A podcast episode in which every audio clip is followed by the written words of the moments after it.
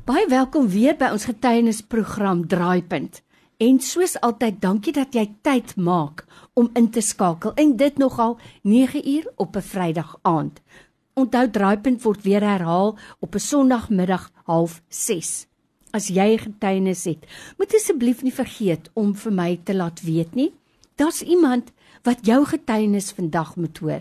So stuur dit vir my die SMS na 32716. Dit kos 'n rand of 'n WhatsApp 0844104104 met die woord draaipunt en dan kontak ek vir jou. Hulle sê mos beloftes maak skuld nou hier by my in die ateljee is my kollega en ek wil eintlik sê 'n vriend Erastus Bekus. Nou as jy goed kan onthou, Hy het van tevore met ons sy getuienis gedeel van hoe hy in die middel van die oseaan van 'n seiljag afgeval het. Hulle het 45 minute gery voordat hulle besef het. Hmm jy is nie meer op die seiljag nie. So hoe lank daarna het hulle jou eers weer gekry, opgespoor? So in totaal was ek toe vir 2 en 'n half ure alleen in die water op die emmer gewees. Hoe diep was dit? Vertel ons weer. Dit was 4 km diep en ons was so 600 km noord van Papua Guinea in die Suid-China See.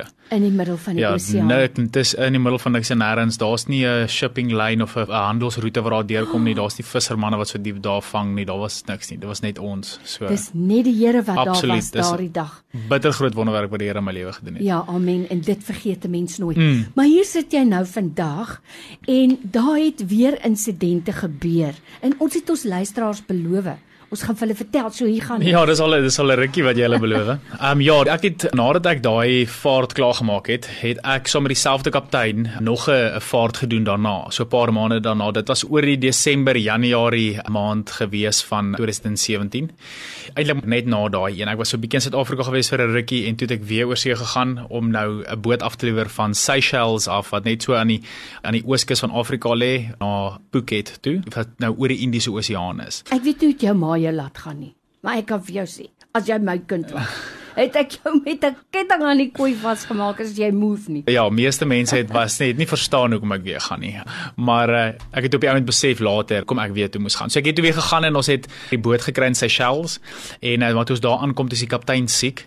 So ons kon nie sea trials gedoen het met die boot nie. Soos dit gewoonlik werk as jy 'n boot gaan aflewer wat jy nou baie ver mee seil, dan gaan jy eers uit net buite die hawe op die water en toets net bietjie soos die engines kyk waar wat jy het om mee te werk en wat ook al en daai keer het ons dit toe nie gedoen nie vir die kaptein was dit 'n baie maklike roete, baie maklike ehm um, vaart eintlik. Ons het 2 en 'n half weke beplan. Dit gaan ons 'n 2 en 'n half weke seil wees, dan sal ons in Phuket aankom. En daar was nog 'n bemanningslid, 'n groot Australianer wat op die boot was. Hy het 'n knieoperasie gehad so 'n paar maande net voor dit. So hy was eintlik baie mobiel nie. Maar hy het lekker visvang toerusting gehad. So dis eintlik maar hoekom hy daar was, net om 'n bietjie vis te vang en verder het ek en die kaptein maar meestal van die ander goed gedoen en dan het hy ook maar 'n bietjie watch gesit hier en daar met 'n groot gesukkel. En hierdie keer was dit 'n catamaran. Hy het twee rompe, so is 'n catamaran en ons het toe weggetrek in Desember uit Seychelles uit en baie hoopvol om 2 en 'n half weke later in Phuket aan te kom en 11 dae in die vaart in.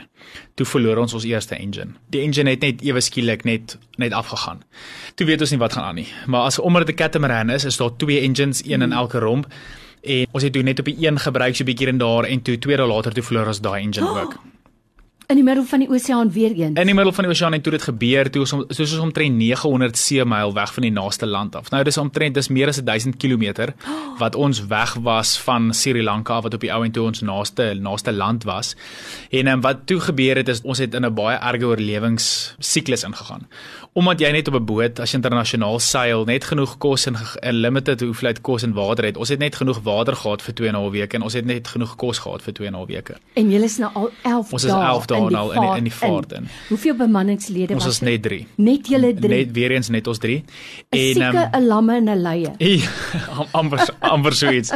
Ja, so toe daar 'n hele paar dinge gebeur waar ons moet begin water ration, ons moet begin kos ration. Die Australianer het baie van ons water gemors ongelukkig.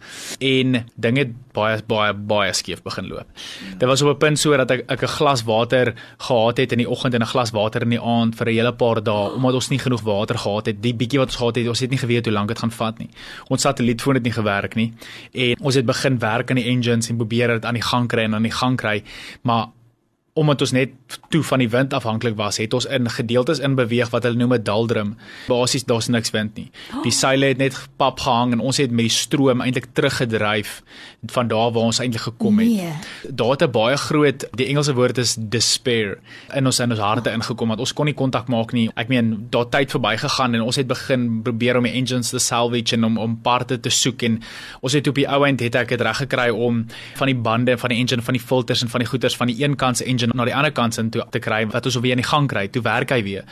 Maar toe het ons nie genoeg diesel gehad wat oor was nie. So wat ek toe doen is ek vat toe die handpomp wat elke klein dingie boetjie het en ek maak dit in 'n paplepel vas en ek druk dit onder in die dieseltanke in. Want elke dieseltank het sy intake is net bietjie hoër as wat die tank diep is sodat die vuil diesel aan die onderkant bly. Mm, mm. En ons pomp dit toe in 5 liter bottels in en ons sit toe die engine se intake direk toe in die bottels in net sodat ons op die ou en toe kan beweeg. Ja. Teen daai tyd toe het daar al 'n internasionale sein uitgegaan wat sê dat ons vermis is en dat hulle nie weet eintlik op die oomblik waar ons is nie. My familie het nie geweet waar ek is nie want ons het toe al oor die 2 en 'n half weke perk gegaan van hoe lank dit op die ouend sou gevat het. En ons het regtig desperaat geraak. Ons het gemik om 'n sekere tyd by die handelsroete wat daar loop uit te kom en dan om skepe te vra vir hulp, groot soos vragskepe Ja. wat containers dra en goed en ons het op die finally op die ouend toe ons daar aankom, toe het ons begin probeer kontak maak.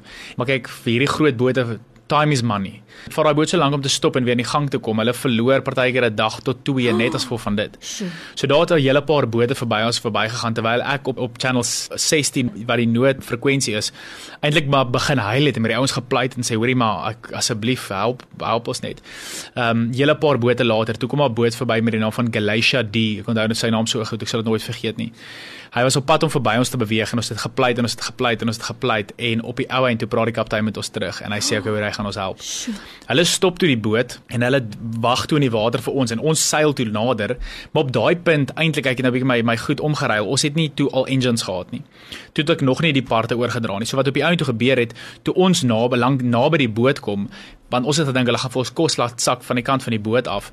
Toe rol die boot as gevolg van die swel so groot dat hy teen ons catamaran gedruk het en ons mas begin buig het en ek het letterlik op die catamaran gestaan en met my hande teen 'n 900 voet Nee. containerboot gedruk net om te probeer wegkom van dit Nee. af. Toe die kaptein sien dat wat gebeur en ons is amper besig om onder hulle in te beweeg, Ja. toe gee hy 'n sekonde krag op daai groot engine van daai boot wat jy kan net miljoene liters water dadelik begin beweeg het en die boot lig so bietjie op en in daai tyd wat hy so bietjie beweeg, het ons genoeg tyd om agter hom in en verby hom te beweeg. Toe laat val hulle die kos wat in dromme vasgemaak is aan die agterkant um, en ons klim toe op 'n half af, afgeblaaste bootjie nou al en ons ry na dit toe en ons kry dit toe het ons daarom nou weer kos en water vir 'n paar dae. Want ek dink teen daai tyd het daai groot Australianer vir jou Nee wat hy begin kyk ja met nee. honger oë. Hy het hy op daai tyd was dit al so erg. Hy het op sy op kamera vir sy familie begin video's maak en vir hulle gesê dat daar 'n kans is Ja, dat hy dit nie gaan maak nie. En toe wat op die ou end gebeur, hulle gee vir ons genoeg kos en water en ons is besig toe om te seil. En ek weet nie of jy al van die Nicobar eilande gehoor het nie. Ja ja ja. Maar in die ja. Nicobar chain is daar 'n eiland North Sentinel Island. Nou dis daar waar daai Amerikaanse evangelis doodgemaak is. Daar's mos 'n tribe wat daar bly wat nog nooit kontak gehad het met buitemense, enige moderne enigiets nie. En hulle word beskerm deur die Indiese regering. So ons het op die ou end bietjie ons koers aangepas om bietjie meer noord te gaan en ons kom toe naby daai eilande uit en ons anker toe by een van die eilande dan naby en ons roep op die radio om te hoor of enigiemand toe daar is want ons sien toe daar's 'n konkrete jetty gebou. So ons weet toe dit is nie daai eiland nie. Om 'n hele lang storie kort te maak, nadat ons daar anker gegooi het, het ons eers 6 dae later weer die anker opgetel want toe is ons Nee. vir 6 dae aangehou deur die Indiese regering. Nee. Hulle het ons paspoorte gevat. Ons kon nie beweeg nie. Hulle het vier gewapende wagte dag en nag heeltyd op die boot saam met ons gehad. gegee. Hulle het in die oggend vir ons gebring en in die aand vir ons gebring, maar dan was dit proper regte curry. Daar's baie meer mense op die boot, badkamer gewys. Daai tipe van was regtig sleg. Baie erg geweest. Hulle het toe op die ouend het hulle toe Suid-Afrika laat weet dat ons nog leef en dat dat ons daar is en na 'n lang gesukkelry toe op die ouend toe het hulle ons letterlik net genoeg diesel en genoeg kos en water gee om toe op die ouend tot in Phuket te kom wat eintlik net 2 dae verder toe was. Maar in daai tyd toe die Here besig met my na dit wat met die eerste trip gebeur het. En ek het my Bybel weer begin lees. Ek het vir die Here gevra, hy moet my duidelik antwoord gee op wat ek moet doen met my toekoms en my lewe want ek het so 'n bietjie 'n waghalsige gedagte gehad net toe ek die eerste dag op die boot klim. Toe sê ek, as hier iets met hierdie boot skeef gaan, met hierdie trip skeef gaan, dan is dit dalk die Here se manier of my te sê ek moenie dit doen nou op die oomblik nie. En op die einde toe gebeur dit. En ek sit eendag so toe ek weer begin Bybel lees het en ehm um, daar staan go home, go to your own, share with them the mercy that the Lord has had on you. Oh, en ek en ek en ek besef die Here sê eintlik vir my hoe ek moet gaan.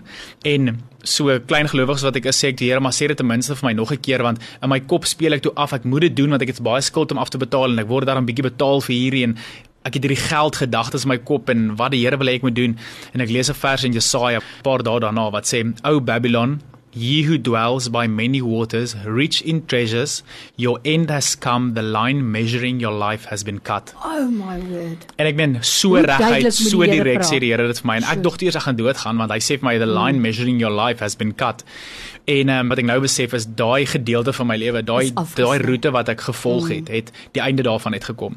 So ek wou dit nog altyd doen en die Here het my dit regular doen en hy het net net vir my 'n kykie gegee van wat moontlik wat ek gaan word as ek aanhou daarmee. Daai tweede trip, dit was eintlik vir my in 'n mate erger as die eerste een want toe het ek gevoel ek dryf op 'n emmer wat met ander ouens daarop is, maar wat 'n paar seile het, maar daar's nie wind nie, ons kan nie beweeg nie, ons het nie kos nie, ons het nie water nie. So dit was 'n baie langer ervaring en baie meer uitgerek as ek dit so kan Mm. sê. So dit was dit was regtig rof, maar ek hou nog steeds vas aan daai skrif elke dag wat die Here vir my gesê het van go home, share with them the mercy that the Lord has had on you. So dit is vir my voorreg om te getuig van die Here se goedheid want hy het die eerste trip 'n wonderwerk gedoen, die tweede trip het hy 'n wonderwerk Hoe gedoen. het jou lewe verander daarna? Kyk, dis selfs soos die eerste trip, daar het 'n proses begin waar die Here Mm. regtig vir my begin verander het en 'n ander mens gemaak het. Maar wat ek geleer het op daai tweede trip, dis eintlik so Lorraine, jy sal nie verstaan nie. Ons het probeer visvang met al die visvanggear wat ons op en nou is ons kos op, nou kan ons nie visvang nie. En hier's 'n ou wat weet van Hy weet om visvang. Die, ek staan voor die boot en dan gewoonlik hierdie dolfyne so saam met ons swem dat ek sien hoe swem tunas saam met ons, maar hulle sal nie in ons lyne byt nie. Tot daai dag het ons kos op is en ek bid en ek sê Here, ons het ons het vandag kos nodig. Daai dag vang ons 'n vis. Nou sien. Dan eet ons nader aan dan is die vis klaar, sê ons Here, ons het weer dan vang ons weer. So hy het letterlik so provide op amazing maniere. Um een keer toe ons nou nader aan Phuket kom, toe kom daar 'n uh, visseboot reguit op ons afgery. Geen vrae nie, gee vir ons water, gee vir ons kos. Ons verstaan nie hulle taal nie. Ons ruil sigarette en blikkies kos uit vir goeders en ons kan hulle taal verstaan nie. Hulle was absoluut gestuur reguit na ons toe. So ek het geleer om regtig op die Here te vertrou. En as die Here vir jou sê, hoorie, begin daai besigheid of gaan praat met hierdie persoon of volg my in hierdie roete.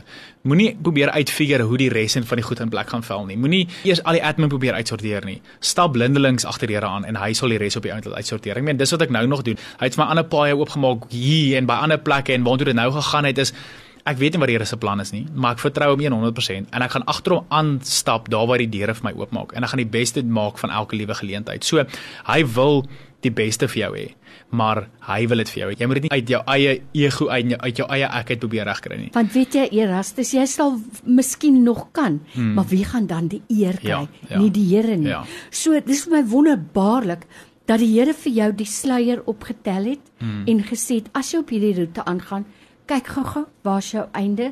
Hmm. Die draad gaan geknip word. Hmm. Dan is jy op baie waters met baie skatte, hmm. maar ek het nie jou siel nie. Hmm. Maar die Here is genadig en die Here hmm. is getrou. Ek gesels met Erastus Bekes. Hy's ook 'n kollega van my hier by Radio Tygerberg. Weet jy Erastus, wat ek wegneem hiervan af vandag is dit. Wanneer 'n mens so helder en duidelik die Here sien een keer en twee keer, dan kan jy nie anders nie as om te getuig van sy goedheid mm. en ek glo jy sal dit doen tot aan die einde van jou lewe. Hy het die storie al soveel op amazing maniere gebruik. Mm. En elke keer as ek deur iets gaan wat moeilik is vir my, dan herinner ek myself net aan dit waar die Here my al gevat het mm. en dit waar ek nou in is is vir hom eintlik maar net niks nie. Of jy nou iemand verloor het wat vir jou belangrik is as gevolg van COVID en of jou belegging geval het as gevolg van Rusland wat Oekraïne invul of een of ander iets. Die Here is in beheer van alles. Hy's in beheer. As jy as jy jou beheer vir hom gaan oorgee, dan is dit op die ou nie jou verantwoordelikheid daar, om daaroor te stres nie. Maar wanneer dit goed gaan, is dit jou verantwoordelikheid om daarvan te getuig van sy goedheid. En elke dag stap ek met daai ingesteldheid om vir hom die eer te gee vir selfs van die kleinste goedjies. Want ek besef ek moenie eintlik hier wees nie. Die kanse was so teen my opgestapel geweest, maar die Here was my genadig en hy het my lewe gespaar en dis waarvoor ek absoluut so dankbaar is. Wel, Erastus, ek vertrou die Here dat die twee mense wat saam met jou op daai catamaran is, ook tot die besef sal kom dat hulle lewe gespaar is hmm. omdat jy op daardie reis was. Hmm. En ek vertrou die Here ook daarvoor. En ek moet sê ek het ook die geleentheid gehad om saam met die Australianer regtig om eintlik na die Here toe te lei en met hom te praat oor sy lewe en oor as hy eendag as hy sterf en ek weet nie waar hy nou is en wat hy doen en ek weet hy bly in Thailand en hy het 'n familie daar en alles en maar dat hy regtig opregtig was daai dag toe ons daar gepraat het en dat hy saam met my gebid het en ek glo dat die Here hom regtig gehoor het um, en sy lewe verander het is is absoluut so maar ek bid nog steeds vir die kaptein. Ehm um, dat hy seil nog steeds en alles so ek hoop dit gaan goed met hom en daar's geen kwaad gevoelens tussen my en hom nie. Ons gesels nog gereeld so op Facebook. Maar ja, die Here het, het hom ook gebruik om in my lewe iets groot te doen. Baie dankie. Dis Erastus Beeks. Onthou volgende week weer in te skakel. Dis Draaipunt. Van my Lorraine Katske tot dan. Totsiens.